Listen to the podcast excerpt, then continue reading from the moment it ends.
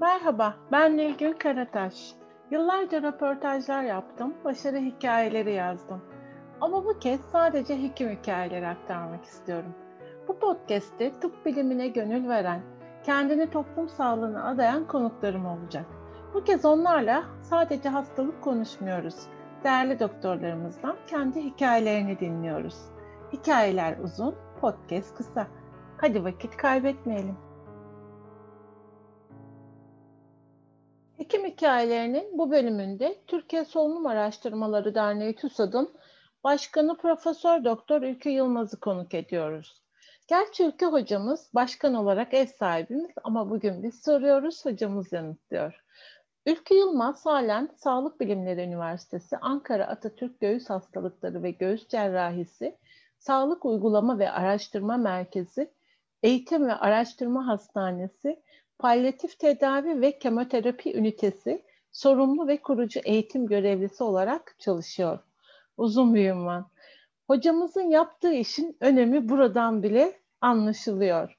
Ülkemizin çalışkan, üretken kadınlarından biri olan Ülke hocamız tahmin edeceğiniz gibi temposu çok yoğun olan insanlardan. Bu yayını organize etmek de çok kolay olmadı açıkçası.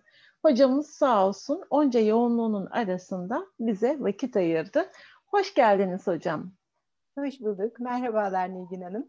Ee, hocam biliyorsunuz biz sohbetimize başlarken e, çocukluk yıllarına kadar gidiyoruz. Ankaralı olduğunuzu, tüm eğitim hayatınızı bu şehirde geçirdiğinizi biliyoruz. Siz doktor olmak isteyen bir çocuk muydunuz? Bu mesleği seçmeye nasıl karar verdiniz? Çocukluk yıllarında ilkokul döneminde e, çok da fazla başarı odaklı bir çocuk olmadım. Daha çok oyun odaklı bir çocuk. Çok e, geniş bir ailenin en küçük çocuğu olarak biraz daha sakin, sakin Ankara'da, memur şehrinde e, daha çok oyun odaklı bir çocuk olarak ilkokul dönemimi bitirdim. Ama daha sonra bizim o dönemde ortaokul ve lise şeklindeydi sıralamamız. Ortaokul ve lise çağlarında yavaş yavaş aklımda şekillenmeye başladı e, meslekle ilgili düşüncelerim. O zamandan itibaren, ortaokul yıllarından itibaren bir hekimlik hayali aklımda belirdi ve çalışmalar da bu doğrultuda şekillendi. Bu doğrultuda şekillenerek ilerledi ve birincilikle biten bir e, lise dönemi diyeyim, tıp e, hedeflenerek. Sonrası tıp fakültesi oldu. Hocam başarılı bir giriş yaptınız üniversiteye. Üniversite yıllarında nasıl bir öğrenciydiniz? E, Gazi Üniversitesi Tıp Fakültesi'nde evet. eğitiminizi tamamladınız. O yıllara dönünce aklınıza neler geliyor? Şimdi Gazi Üniversitesi Tıp Fakültesi dediğiniz gibi başarılı bir öğrenciydim. Ama böyle hep ilk sıralara e, yarışan bir öğrenci değildim. Meraklı, okuyan, araştıran bir öğrenciydim. Ama bunun yanı sıra Üniversite yaşamım boyunca çok güzel bir, de, bir sosyal yaşamım da oldu. Her cuma akşamı Cumhurbaşkanlığı Senfoni Orkestrası'na giden, tiyatro, özellikle devlet tiyatrolarının oyunlarını e, kaçırmayan, iyi okuyan, e, sosyal bir öğrenci oldum. Ama dediğim gibi öyle çok e, yüksek e, akademik başarı anlamında ilk sıralara yerleşmek anlamında öyle bir hedefim olmadı. Ama çalışkan ve başarılı bir öğrenciydim. Hocam 1988 yılında Gazi Üniversitesi Tıp Fakültesinden mezun oluyorsunuz. Sonrasını anlatır mısınız? Kariyeriniz nasıl ilerledi? Şimdi e, öğrencilikte kariyere geçmeden önce e, göğüs hastalıklarını nasıl seçtim? E, bir oraya okay. kısacık dönmek isterim aslında. Beşinci sınıfta göğüs hastalıkları stajımızı yaptık. Rahmetli Özel Sezer hocamız e, ana bilim dalı başkanıydı. Çok naif, çok hoş, zarif bir insandı. Göğüs hastalıklarını sevmemize neden oldu. Hatta bizim dönemimizden bir, aş, bir alt ve bir üst dönemden pek çok göğüs hastalıkları uzmanı olup şu anda e, öğretim görevlisi hoca olarak çalışan pek çok arkadaşım var. Buradan rahmetle analım hocamızı. Hatta staj sınavında e, Numan Ekim hocamızla birlikte buradan saygılarımı gönderiyorum e, hocamıza da. Sınava girdiğimde e, Özel Hoca hem sınavımı hem de hasta muayenesini e, çok be- beğenmiş ve bunu dile getirmişti. Tabii bu o zamanlar çok küçüksünüz, çok heyecan duyuyorsunuz bu tür şeylerden. Bu beni çok onore etmişti, etkilenmiştim. E, sonuçta ikinci tercihim olan e, tıpta uzmanlık sınavında ikinci tercihim olan e, göğüs hastalıklarını seçerek yoluma devam ettim. Hocam peki sonra kariyeriniz e, nasıl ilerledi? Siz bu alanı Aha. seçtiniz. Nerede evet. başladınız? Nasıl evet. devam ettiniz? Evet. Tıpta uzmanlık sınavını kazanabildiğimiz zaman o dönemde benim dönemimde mecburi hizmete gitmeden yolumuza devam edebiliyorduk. Mecburi hizmet ertelenebiliyordu. Ben de e, Atatürk Göğüs Hastalıkları ve Göğüs Cerrahi Merkezi'nde uzmanlık eğitimime başladım. Yine sosyal yaşam e, devam ediyordu. E, çok keyifli bir ortamdı. Şimdi kısacık da ondan bahsetmek isterim. Esasında orası bir okul, sanatoryum eski adıyla. Hı hı. Yeni adıyla Atatürk Göğüs Hastalıkları Göğüs Cerrahi Merkezi bir okuldur aslında. Ve böyle sıcak bir aile ortamıdır. O sıcak aile ortamı oldukça çekici gelmişti bana. E, dolayısıyla sevmemde ve e, başka e, herhangi bir yere düşünmememde çok etkisi olmuştur. O süreçte güzel bir uzmanlık eğitimi süreci oldu. 1993 yılında uzman oldum. Sonrasında mecburi hizmette hastanemizde uzman açığı vardı ve kurada bizim hastanemizde vardı. Ben bu hastanede hastanemizde kalarak mecburi hizmeti bizim hastanemizde, sanatoryumda yaparak sonuçta. Ankara dışına hiç çıkmadan belki şans, belki şanssızlık, bir e, belki bir mecburi hizmet yaşamı hem kariyer anlamında hem de e, ülkemizin gerçeklerini tanıma anlamında, daha erken tanıma anlamında anlamlı olabilirdi. Ama e, benim yolum böyle devam etti.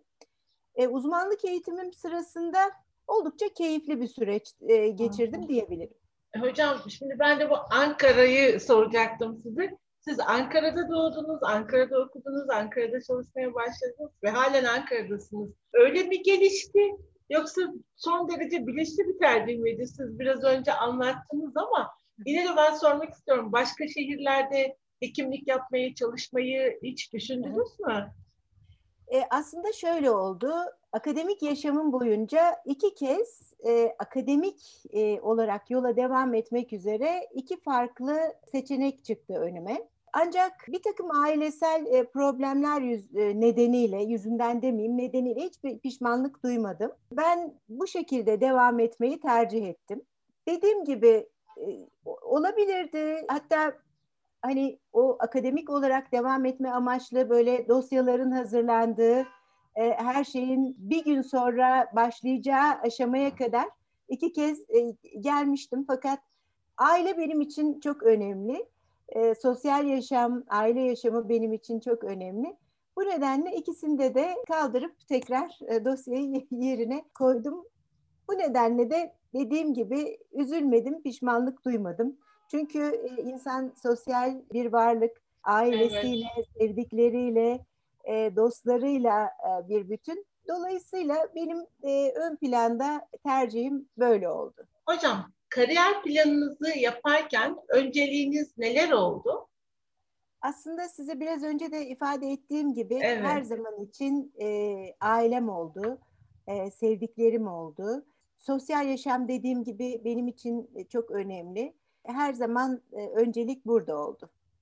Hocam e, sosyal yaşamdan söz ediyorsunuz ama sizin e, geçmişten bu yana dernekçi olduğunuzu da biliyoruz.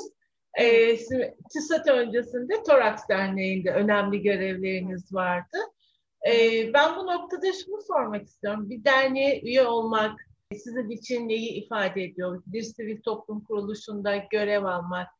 Bunlara ne zaman karar verdiniz? İlk ne zaman e, görev aldınız? Nedir sizin için önemi bunu? Aslında şöyle söyleyeyim, mutfağa, işin mutfağına girmek. İyi bir e, uzmanlık eğitimi aldıktan sonra, e, eğitiminizi tamamladıktan sonra bu konuda e, her zaman yayınlarını okuduğunuz hocalar, onlarla birlikte çalışma ortamı, onları daha yakından tanıyabilmek, çalışmalarınıza onlarla yön verebilmek, belli bir yön, göğüs hastalıkları tamam bir branş ama pek çok alt başlığı var. E, o anlamda da e, yolunuzu çizebilmek amaçlı biraz başında da söylediğim gibi işin mutfağına girip orada çalışmak ayrı bir keyif. Bu nedenle ben e, 1993'te uzmanlığımı aldıktan sonra 1997'de Türk Toraks Derneği Ankara Şubesi'nin yönetim kuruluna girdim. Türk Toraks Derneği o zamanlar böyle e, çok heyecanlı, yeni kurulmuş bir dernek. Böyle yeni e, oluşumlar, e, yeni atılımlar e, yapıyordu. Çok keyifli bir çalışma süreci geçirdim esasında. Hem yönetim kurulunda çok şey öğrendim. Pek çok yeni e, dostluklar edindim. E, hocalarımın, e, birlikte çalıştığım hocalarımın bana e, katkısı oldu. E, birlikte toplantılar planladık. Akademik anlamda tartışmalarımız oldu. E, bunlar keyifli şeyler. E, benim ilk yaşamım bu şekilde başladı. Hocam peki genç arkadaşlara da derneklerde görev almayı öneriyor musunuz, tavsiye ediyor musunuz? Mutlaka öneriyorum. İyi bir göğüs hastalıkları eğitimi aldıktan sonra, uzmanlıklarını aldıktan sonra e, başta da ifade ettiğim gibi işin mutfağına girmek, e, orada birlikte çalışmak, dirsek temasında bulunmak, birlikte üretmek, sonra birlikte sunmak, o keyfi birlikte yaşamak e, güzel bir şey. O o ortamları yaşamalarını tavsiye ediyorum arkadaşlarıma. Bir de e, TÜSAP'la sizi tanıştıranın Can hocamız e, olduğunu biliyorum. Profesör Doktor Can Öztürk hocamıza da buradan saygılarımızı iletelim. Nasıl oldu bu olay? Onu anlatır mısınız? Evet, hocamıza buradan saygılarımızı iletelim. Ee, ben ilk ihtisasa girdiğimde, uzmanlık eğitimime başladığımda rahmetli hocamız Perihan Uğur'un e, asistanı olarak başlamıştım. Kendisi de Can hocamız da zannediyorum mecburi hizmetini yapıyordu bizim hastanemizde. Yine Perihan hocamızın yanındaydı. E, sonuçta e, kendisinden e, çok faydalandığım, akademik anlamda, kimi zaman dostluk anlamında çok fazla katkıları olan e, değerli büyüğüm abimdir. E, sonrasında e, onun hastanemizdeki kalış süresi çok uzun değildi. Zannediyorum bir buçuk iki yıl kadar sonra o e, Gazi Üniversitesi Tıp Fakültesine geçti ama daha sonrasında da hep toplantılarda, akademik ortamlarda e, iletişimimiz, dostluğumuz diyeyim devam etti. Kendisi saygı duyduğum, sevdiğim bir büyüğümdür. Sonrasında zannediyorum e, 2004, 2004 yılında kendisinden bir gün bir e, telefon aldım. Bu hatta Can Hoca ile şöyle bir e, şeyimiz de var. Onu da size e, sohbetimiz sırasında aktarmak isterim. Okay. E, ilk asistanlığımın ilk e, akademik araştırmasını değerli hocam doçent doktor Belgin Samurkaşoğlu ve Can Öztürk hocamızla beraber gerçekleştirdik ve ben asistanlığımın birinci yılında TÜSAT Kongresi'nde 1989'da e, İzmir'de İzmir 9 Eylül Rektörlük binasında yapılmıştı o e, kongre. Hmm. Orada sunmuştum. E, böyle ilk e, e, klinik araştırmamızda da birlikte klinik araştırmamızda birlikte gerçekleştirdik ve e, dosyamın ilk sırasında da bu yayın e, yer alır benim ilk yayınımdır. E, dolayısıyla e, benim için önemli. Sonra e, TÜSAT'ta sonuçta benim TÜSAT kongresi de katıldığım ilk kongre ilk bu heyecanı, sözel sunum yapma heyecanını yaşadığım kongre, e, hocalarımızla e, bir araya gelme fırsatını yakaladığım ilk kongre. Benim için e, o kongre e, özeldir, e, önemlidir. Çok güzel anıları var. Çok hoş bir hem sosyal ortamı olsun, hem dostluk ortamı olsun, hem de benim için pek çok ilk taşıyan önemli bir kongredir. Sonrasında 2004 yılında hocadan bir telefon aldım. Hoca e, telefonda bana şunları aktardı. Hepimizin gelişiminde çok e, önemi olan Türkiye Solunum Araştırmaları Derneği'nin yeni bir açılım yapma kararında olduğunu, e, yönetim kurulunun genişletilmesi ne düşündüklerini, yeni bir e, tüm Türkiye'ye yayılmak istediklerini, yani yeni yönetim kurulunun tüm tüm Türkiye'yi kapsayacağı e, haberini aldım ve e, benim için çok büyük bir onurdu tabii. E, bu yönetim kurulunda e, yer alıp alamayacağımı e, sordu bana. Bu tabii benim için e, hem çok onurlu hem de e, biraz ürkütücü e, bir deneyimdi. Daha önce kongrelerine katıldığımız sadece e, bu e, anlamda iletişimim olduğu bir dernekte yönetim kuruluna girmek hem de merkez yönetim kurulunda çalışmak bir, biraz büyük bir e, karardı. Biraz izin istedim kendisinden. Hem e, kendi hocalarımla çünkü ciddi bir şekilde buna vakit ayırmak gerekiyordu. Tabii. Üzerimize aldığımız sorumluluğu yerine getirmek gerekiyordu. Sonuçta e, ben bunu kabul ettim ve benim e, TÜSAT yaşamımda e, bu şekilde başladı 2004 yılında. 11 kişiyle birlikte bir e, çok güzel bir e, yönetim kurulu yapılanması. E, hepimiz çok aktif bir şekilde dernek hayatına, TÜSAT çalışma hayatına girdik. E, ve bugünlere tekrar geldik. Evet hocam hep e, sonrasında hep aktif bir dernek hayatınız olduğunu, hep önemli görevlerde bulunduğunuzu biliyoruz. Peki bir gün başkan olmayı hiç düşünüyor muydunuz derneğe girdiğinizde? Yok hayır sadece o 10 yıllık süreç içerisinde işte genel sekreterlik görevim oldu, Hı-hı. saymanlık e, görevim oldu, merkez yönetim kurulunda görevim oldu. Fakat başkanlık e, anlamında bu tür bir düşüncem e, olmamıştı. Yani benim olmamıştı daha doğrusu. Hı hı. Şöyle bir düşünürseniz e, oldukça uzun süre o derneğe emek vermişsiniz, gönül vermişsiniz. Ama benim için e, yönetimsel kadrolarda çalışmak e, her zaman için böyle e, arka planda olmuştur. Daha çok çalışmak, üretmek ama yönetmek, yönetmek benim için hep uzak olmuştur. Hatta e, 2016 yılında o dönemde ben Merkez Yürütme Kurulu'nda değildim. Filiz hocamız başkan yardımcısı olarak tekrar yönetim kuruluna girme önerisiyle geldiğinde acaba e, bu büyük sorumluluğu yerine getirebilir miyim? Filiz hocanın, Arzu hocanın bıraktığı yerden ben alıp daha ileriye götürüp sonrasında teslim edebilir miyim gibi kaygıları hissettiğimi söylemeliyim, açıkça itiraf etmeliyim. evet. evet. İlk başlarda değil ama sonrasında bu görev bu görev için tekrar bayrağı aldık elimize diyelim.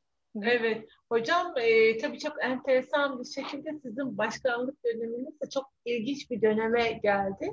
Bir yandan hem TÜSAB'ın 50. yılı gibi anlamlı bir dönem, bir yandan da tüm dünyayı etkisi altına pandemi gibi bir olay. Şimdi siz böyle bir dönemde e, hem hekimlik yaptınız hem başkanlık yaptınız. Bu noktada e, iki sorum olacak size. Bir tanesi hekim olarak bu süreç size neler yaşattı, nasıl bir deneyim oldu? İkincisi dernek başkanı olarak neler yaşadınız, nasıl bir deneyim elde ettiniz? Evet, e, hekim olarak başlarsak insanları yaşatmak üzere yemin etmiş bir e, meslek grubunun e, üyesiydik hiç e, düşünmeden e, üzerimize aldığımız e, görevleri kimi zaman aktif hasta grubunun içerisinde, kimi zaman biraz daha gerisinde olsak da yine risk altında devam ettirdik. Ama gerçekten yorucu, yıpratıcı, zor bir dönemdi. Kaygılarınız sadece kendiniz adına değil, sevdikleriniz adına da çok büyük kaygılar hissediyorsunuz. Hı-hı. Örneğin şöyle bir olay yaşadık. Benim kızım da Bilkent ve ODTÜ aşı çalışmasında o orada yüksek lisans yaparken bu grubun içerisinde yer aldı. Ve çok e, önemli bir grup. Bir yandan onlar da e, ülkemizi bu e, sıkıntının içerisinden çıkarmaya çalışan bir grup olarak çalışıyorlar. Ama arada ben varım. Çok tehlikeliyim. Sonuçta e, kızım bir süre yurtta yaşadı. E, onu böyle büyük bir şey toparladık ve e, yurda yerleştirdik. O dönemde bir süre ayrı kalmak zorunda kaldık. Sonuçta bunlar tabii her şey üst üste oluyor. Çok tehlikeli ortamlarda çalışıyorsunuz. Sevdiklerinizden uzaktasınız. Tüm diğer aile bireylerinden e, uzaktasınız. Kaygılısınız, endişelisiniz. Çok zor bir dönem gerçekten. Çok zor bir dönemdi. Tabii şimdi o birçok bilinmezin olduğu e, dönemleri açtık. Hala pandemi bitmiş değil ama evet. o dönemler biraz daha sıkıntılıydı. Başkan olarak e, bakarsanız hiç yaşanmamış çok değişik bir ortamın içine e, girdik. Meslektaşlarımıza sürekli bir bilgi akışı sağlamak zorundaydık. bilgiler günlük değişiyordu. Biz bu doğrultuda bir eylem planı yapmak zorundaydık. Ama yüz yüze gelmemiz mümkün değildi her şeyi elektronik ortama taşımak zorundaydık. Uzaktan tabii bir şekilde e, her şeye yetişmek zorundasınız. Bir yandan meslektaşlarımızın pek çok ihtiyaçları oluyordu. Kişisel koruyucu ekipman anlamında evet. tabii sizler de medyadan izlediniz. Her şey yeterli değildi. E, zaman zaman e, bu tür e, görevler üstlendik. Sonuçta bir yandan da herkes çok stresli, herkes çok gergin. Bu kadar yoğun bir ortamın içindeyken kimseyi incitmeden, kırmadan ama anlayarak e, her şeyi Tabii. götürmek zorundasınız. E, sonuçta çok komponentli, çok yorucu, çok e, gergin bir dönem ge- geçirdik diyeyim. Aslında hala içerisindeyiz ama şartlara adapte olduk bir miktar. E, böyle yaşamayı bir miktar daha öğrendik ama gerçekten e, hiç kolay değildi. Evet, evet hocam. Hocam tabii bu zorlu süreçte ilginç ve değişik ve güzel şeyler de oldu. Ee, bunlardan bir tanesi belki sizin açınızdan bakınca başkan olarak alanınızda büyük olan dijital kongreye imza evet. attınız. Evet. Ee, bu arada hemen şunu da belirtmek isterim. Ee, sizlerin ve tüm TİSAK yöneticilerinin desteğiyle başladığımız bu podcast yayınları da alanında bir ilk. Onu da araya e, sıkıştırmış olalım bu bilgiyi de. Şimdi evet, tüm bu evet. örneklerden anlaşılacağı üzere TİSAD'ın yenilikçi bir dernek olduğunu söylemek evet. mümkün. Evet. Ama tabii bazı şeyleri ilk yapıyor olmak hem heyecanlı hem de stresli. Ben evet. özellikle bu dijital kongre deneyimini sormak istiyorum. E, bu nasıl bir süreçti? Sonuçları sizi memnun etti mi? Evet, çok farklı bir süreçti. Başlangıçta gerilim filminin bir diğer e, bölümüydü aslında. Şimdi e, sevgili Mukadder Çalıkoğlu ve sevgili Sinem Sökücü ve de müthiş keyifli bir kongre ekibiyle kolları sıvadık. E, amacımız Çeşme'de yüz yüze harika bir kongre gerçekleştirmekti. İşte programlarımızı yapmaya başladık. Epeyce ilerledik, yol aldık. Fakat e, Mart ayına geldik ki işler e, iyi gitmiyor. Yine de daha da belli olmaz. Tabii pandemi süreci sonuçta 100 yılın olayı öngörebilmeniz çok da mümkün değil. Mart-Nisan ayında e, nasıl şeyler olacak? Biz programımızı oluşturmaya e, devam ediyoruz. Çalışmalarımıza devam ediyoruz elektronik ortamda. Fakat e, bakıyoruz ki işler sıkıntılı. Maalesef sağlıkçılar özellikle göğüs hastalıkları grubundan çok hastalanan e, oluyor. Buradan e, rahmetle analım kaybettiğimiz arkadaşlarımız oluyor ve insan şöyle düşünüyor. Arkadaşlarımızdan bir tanesine bile e, burnu bile aksa bizimle ilgili bir şey nedeniyle kendimizi affetmemiz mümkün değil. E, dolayısıyla biz yaklaşık Mayıs e, aylarıydı zannediyorum kararımızı verdik. Ne olursa olsun biz bu sene ortamımızı buna göre ayarlayacaktık ve bilimsel aktif, aktivitemizi e, dijital platforma taşıyacaktık. Ve 50. yılımızdı tabii. Bizim için de çok özeldi. Biz dedik ki Haziran ayı 22 Haziran olan Haziran ayında başlayalım biz bu dijital kongreye, dijital kongre içeriğine ve bütün yayınlarımızı e, yaz boyunca kongremize kadar böyle sürdürelim ve dijital kongremizde bir final yapalım. Müthiş, muhteşem bir final yapalım bilimsel bir güzel bir bilimsel programla bir bilim şöleni gerçekleştirelim diye yola çıktık. Aslında çok dediğim gibi işte dijital ortamda insanlar bizi dinleyecekler miydi? İşte bunu yapabilecek miydik? O kadar insanları bağlayabilecek miydik? Bunlar hep soru işareti. Soru işaretlerimiz, milyonlarca soru işaretlerimiz Haziran'dan Ekim ayına kadar bizim aklımızda döndü durdu. Sonra kongremize başladık e, bin kişinin üstünde e, bir katılımcıyla açılış törenimizi gerçekleştirdik. E, arkasından e, tabii e, yüz yüze kongrede bu kadar bir açılış töreninde bile e, bu kadar olmuyordu açıkçası. Evet. Bu bizi keyiflendirdi. Sonrasında gerçekten bir bilim şöleni oldu. Bir, bir özelliği de şuydu tabii aynı zamanda çekim yapıldığı için çekim bittikten sonra, konu bittikten sonra 15 dakika sonra biz elektronik ortama konuları yerleştiriyorduk. Bir şekilde meslektaşlarımız kaçırmış olsalar bile hemen ardından ya da daha da fazlası evet. 6 ay süreyle dinleyebiliyordu. Sonuçta şimdi dönüp baktığımızda müthiş izlenme e, oranları, e, izlenme oranları demeyeyim tabii biz bir medya kuruluşu değiliz. e, meslektaşlarımıza katkıda bulunmuşuz e, böyle bir bilimsel aktiviteyle. Bu tabii bizi e, çok keyiflendiren, çok onur veren e, bir yanı oldu. Bütün o yorgunluğumuzu, gerginliğimizi esasında bununla giderdik. Keyifli bir şeydi. Ben buradan sevgili Mukadder hocamıza ve sevgili Sinem hocamıza teşekkürlerimi bir kez daha iletmek istiyorum. Podcastlere gelince. Şimdi kongre olayında olduğu gibi bu e, işler başkanın yaptığı e, bir şey değil. Ben sizinle şimdi e, dernek 11 kişilik bir 3 yıl süreyle yönetim kurulunu ya da TÜSAT Derneği'ni yönetmekle görevli 11 kişi kişilik bir ekibin e, başındaki bir evet. e, insan olarak konuşuyorum. Sonuçta hani bir açıkladığım gibi bu bir ekip işi. Podcast olayında da öyle bizim e, harika bir sosyal medya ekibimiz var. Sizin de içerisinde bulunduğunuz. Bu anlamda teşekkür size tekrar ederim. teşekkür ediyorum. Biz de teşekkür ediyoruz fikirler hocam. E, ortaya geliyor.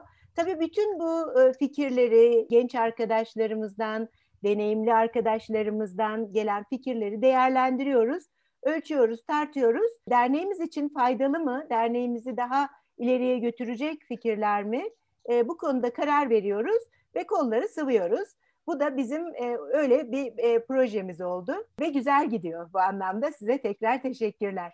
Ee, biz de teşekkür ediyoruz hocam. Burada bir de Onur hocamıza saygılarımızı ve sevgilerimizi gönderelim. Tabii, ee, tabii. O da bu konuda bize önderlik ettiği için kendisine Kesinlikle. ayrıca selam göndermiş olalım kendisine. evet. Ee, hocam şimdi TÜSAT olarak e, yepyeni bir kongreye hazırlanıyorsunuz. Henüz belki detaylarından söz etmek için çok erken olabilir.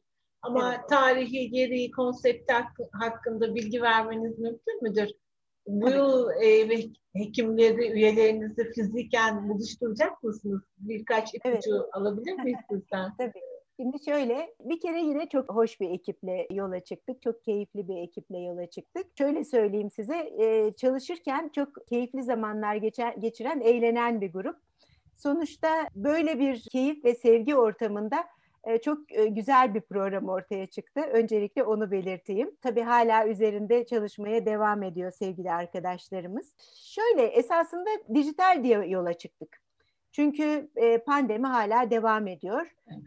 Ne olacağımızı hala çok fazla bilmiyoruz. Fakat geçen ay bilim kurulunda Sayın Uğur Şahin'in de katıldığı bilim kurulunda 120 milyon doz aşı sözü verilince sonuçta pandemiyi bitirmenin yöntemi Tamam her zaman için sosyal mesafeden, e, hijyenden, maske kullanımından bahsediyoruz ama tabii aşı, aşılama çok önemli. Bu aşı sözünü alınca biz programımızı bu tarafa doğru çevirdik. Ne tarafa? Yüz yüze biz e, bir araya gelebiliriz.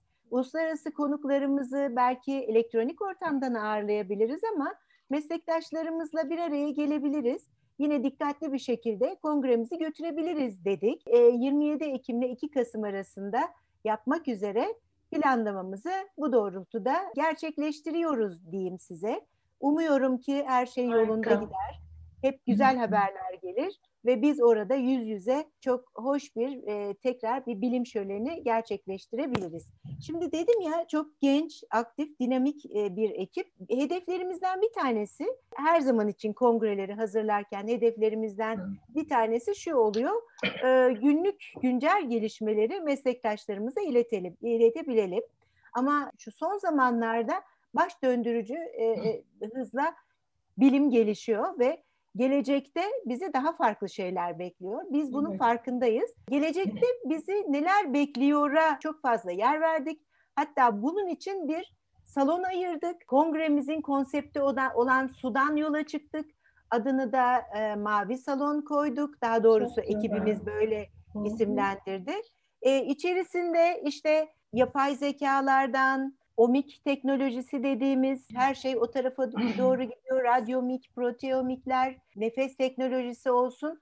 Pek çok, pek çok güncel geleceğimize, göğüs hastalıklarının geleceğine yön verecek konuya yer verdik. Pek çok sürprizimiz daha da var ama bunları zaman içerisinde e, ve kongremizde e, yüz yüze kongremizde sizlere e, ve katılımcı arkadaşlarımıza, meslektaşlarımıza sunacağız.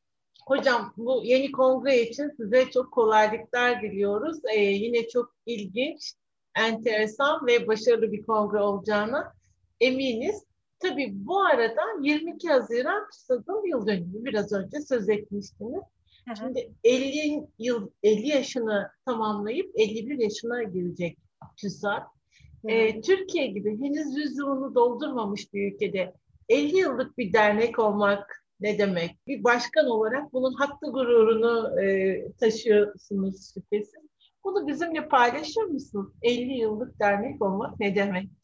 Evet, gerçekten gerçekten öyle. E, 50 yıllık bir dernek. Ülkemizin göğüs hastalıklarında bu bilim dalının gelişmesinde öncülük etmiş, sürekli yüzünü yenilik ve ilerlemeye doğru e, çevirmiş, sloganını tükenmeyen nefesle olarak belirlemiş, e, ülkemizdeki tüm göğüs hastalıklarının akademik yaşamında bir şekilde yer almış, kimini yetiştirmiş, kiminin akademik yaşamının bir bölümünde yer almış çok büyük bir derneğin sorumluluğunu almak. Bu sorumluluğun bilinci de duygular çok karışık. Kimi zaman kaygı, endişe, kimi zaman tabii çoğunlukla gurur ve onur.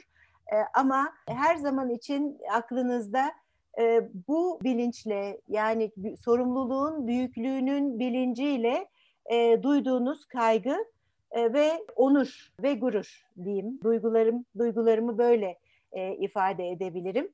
Omuzlarımızdaki yükler, ekip olarak omuzlarımızdaki yükler tabii e, her zaman için çok büyük. Merkez Yürütme Kurulu'ndaki bütün arkadaşlarım da aynı duygularla göreve devam ediyor ve bu sorumluluğun bilinciyle bayrağı daha ileriye götürüp teslim etmek e, amacıyla e, hedefimize doğru, hedefimiz bu ve hedefimize doğru çalışıyoruz.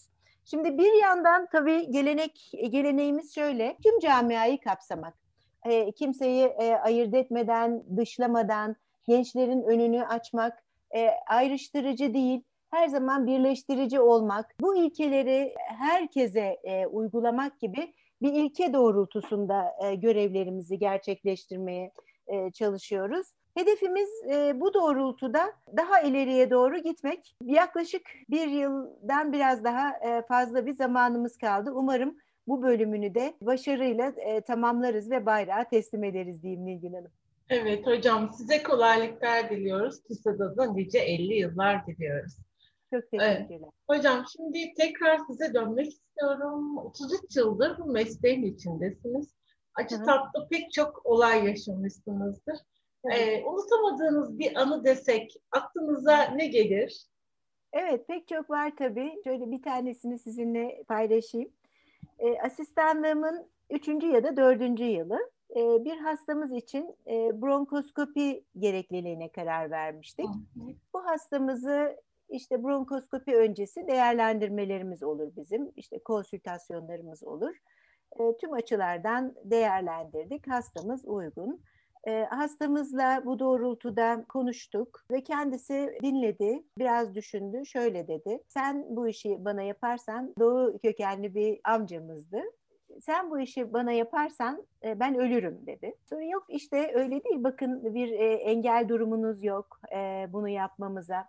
Kaygılanmanızı gerektirecek bir şey yok. Tüm hekimler de konsültan e, arkadaşlarımız da e, izin verdi ve hastalığın teşhisi için bunu size yapmamız lazım dedik. Peki o zaman dedi. Hastayı bronkoskopi ünitemize aldık. O dönemde şimdi bronkoskopi ünitelerimiz böyle e, kartlarla açılıyor. Daha böyle şey e, ayrıntılı. O zaman e, servisimizin bir odasındaydı bizim bronkoskopi ünitemiz.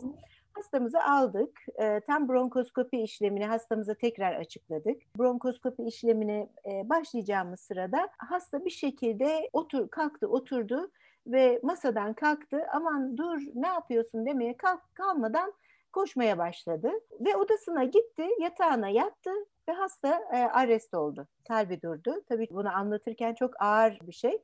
Hemen müdahale ettik hastamıza. Geri döndürdük. Birkaç gün süren bir yoğun bakım süreci oldu. Sonra hastamızı e, yoğun bakımdan geri aldık. Geldi yatağına. Şöyle bir baktı bana. Bak ben sana söylemiştim değil mi dedi. dedi. Bu biraz ürkütücü, üzücü. Ama böyle biraz da insanı e, acı da olsa gülümseten e, bir anı. E, kimi zaman ne kadar titiz dikkatli olsanız da bazen e, böyle şeyler insanın başına gelebiliyor. Bunu e, hiç unutmadım. Meslektaşlarımız için de öyle hastaların dediğini mutlaka bir şekilde dinlemek gerekiyor. Her şey yolunda gidiyormuş gibi görünse de e, kimi zaman öyle evet. olabiliyor. evet hocam ilginç bir olaymış. Sonra yap tamamlayabildiniz mi sonra işlemi? Sonra e, sonrasında hastamızın e, teşhisi koyuldu, e, tedavi e, aşamalarını gerçekleştirdik. Bronkoskopi değil ama başka yöntemlerle e, teşhisini koyup tedavisine e, hastanın planladık bir şekilde. ah vallahi hocam. Evet biz tabii hocam biz hastalarda böyle sizlere ilginç değişik şeyler yaşatabiliyoruz bazen böyle çok sürprizli şeyler yapabiliyoruz sizlere. Hocam bizim hekim hikayelerinin bir e, klasik bölümü var biliyorsunuz. Biz Hı. tavsiyeler alıyoruz sizlerden gençler için. Ama bunu Hı. şöyle yapıyoruz. Ben size bir cümle veriyorum. Siz cümleyi tamamlıyorsunuz. Tamam. Şimdi ilk cümlemiz şöyle.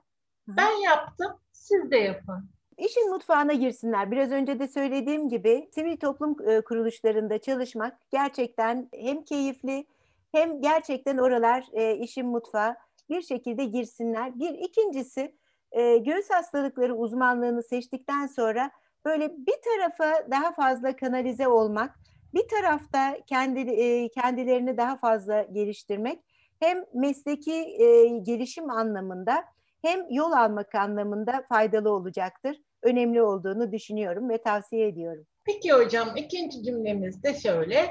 Ben yapmadım, yapamadım ama siz mutlaka yapın. Bir uluslararası deneyimlerinin olması mesleki anlamda çok ciddi katkı sağlar. Meslek yaşamlarının bir yerinde, bir uluslararası önemli bir merkezde gözlemci olarak işte ya da farklı pozisyonda işte araştırmacı olarak mutlaka çalışmakta fayda var ama ülkemize dönmek kaydıyla.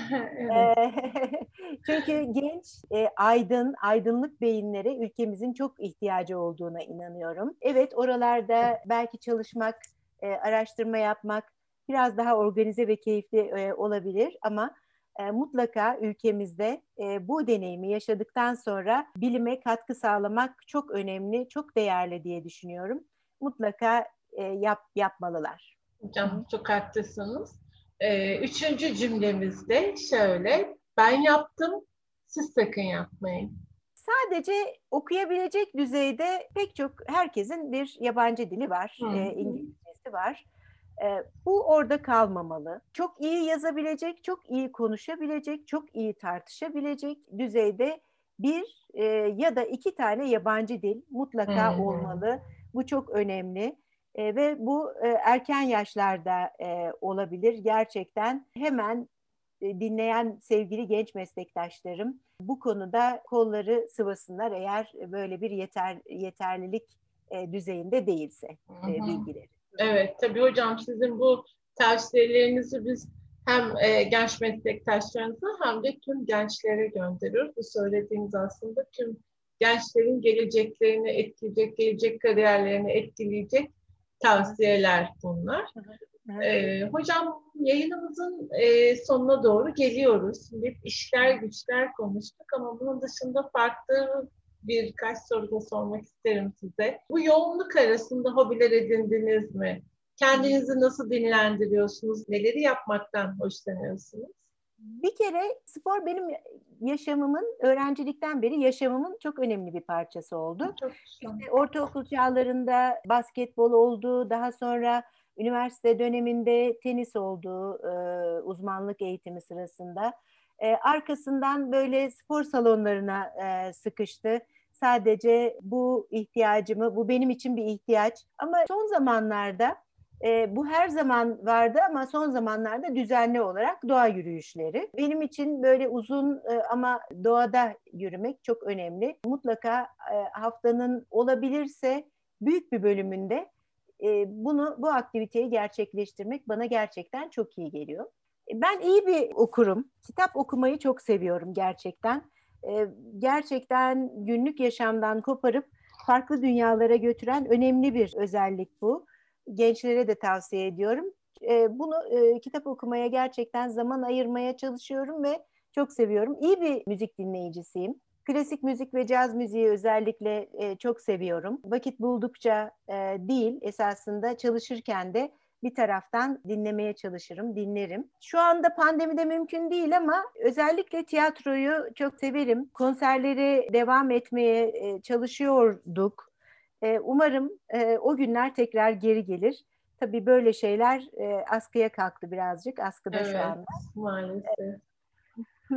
Bunları e, seviyorum gerçekten. Hocam umuyorum başka bir podcast'te de bu kitaplar, müzik, sanat, tiyatro üzerine konuşma fırsatı buluruz. Çünkü bunlar da hayatımızın en önemli ihtiyaçları. Evet, ee, yemek içmek kadar önemli aslında. Gerçekten. Bunlar da kendimizi beslemenin bir değişik yolu. Hocam yayını bitirmeden bir gün keşke şunu da bana sorsaydı dediğiniz bir soru var mıdır? Ee, esasında biraz önce de ifade ettim. Siz biliyorsunuz ben daha çok çalışma grubu bazında da akciğer kanseriyle ilgileniyorum. Evet. Ee, neden neden derseniz bunu e, açıkla. Keşke Dilgün Hanım e, bunu sorsaydı diye geçirdim Hocam, içimden. Hocam o zaman Açıkçası, soruyoruz evet, bu soruyu. evet. Neden bunu seçtiniz diye öğrenmek isteriz hocam. Evet. zor zor bir alan.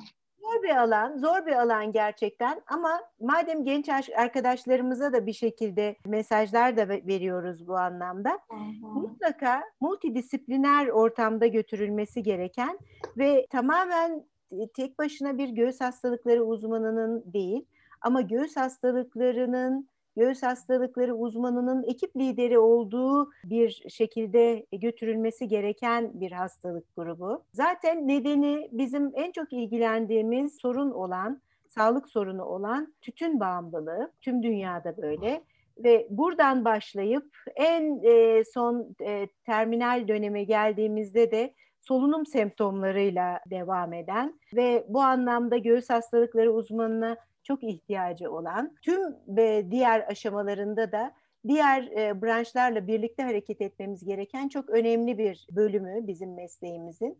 Onun için her zaman e, bu konuda çok ciddi bilgi sahibi olması göğüs hastalıkları uzmanlık alanının ve her zaman için ekibin içerisinde olması gerektiğine inandım. E, ve bu inançla mesleğime devam ettim. Böyle de devam etmesini dilerim ve e, hedeflerim tüm meslek yaşamım boyunca. Dilekle bitirelim, e, dilerim evet.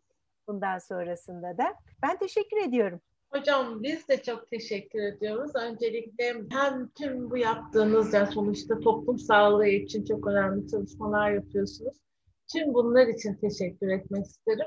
Hem de bu yayında bizi programımıza katılıp, yayınımıza katılıp bizimle güzel görüşlerinizi, değerlendirmelerinizi, anılarınızı, tavsiyelerinizi paylaştığınız için ee, çok teşekkür ediyorum. İyi ki bu yayınımıza katıldınız. Bu iyi ki bu yoğunluk arasında sizi konuk edebildik.